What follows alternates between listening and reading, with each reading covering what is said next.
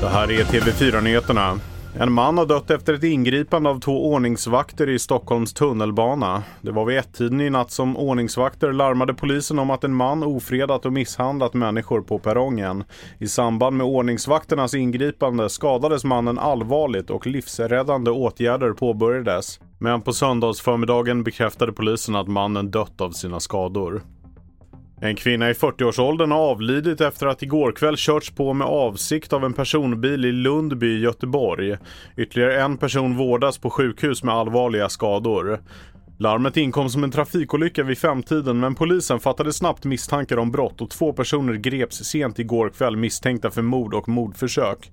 Ytterligare två personer har gripits för grovt skyddande av brottsling och sammanlagt har nu fyra personer anhållits misstänkta för inblandning i mordet. Enligt uppgifter till Aftonbladet misstänks de två i bilen vara bröder i övre tonåren och ska ha kört ihjäl sin släkting. Och i takt med klimatförändringen ökar även algblomningen i Sverige. Nu varnas det för konsekvenser för hundar. Vattnet kan vara skadligt för människor men dödligt för djur. Hundar som badar och kanske dricker av vattnet är särskilt utsatta. Vi hör veterinär Björn Åblad om vad man ska tänka på det kan vara livsavgörande för hunden. Att, den, att man eh, avstår bad i vissa lägen.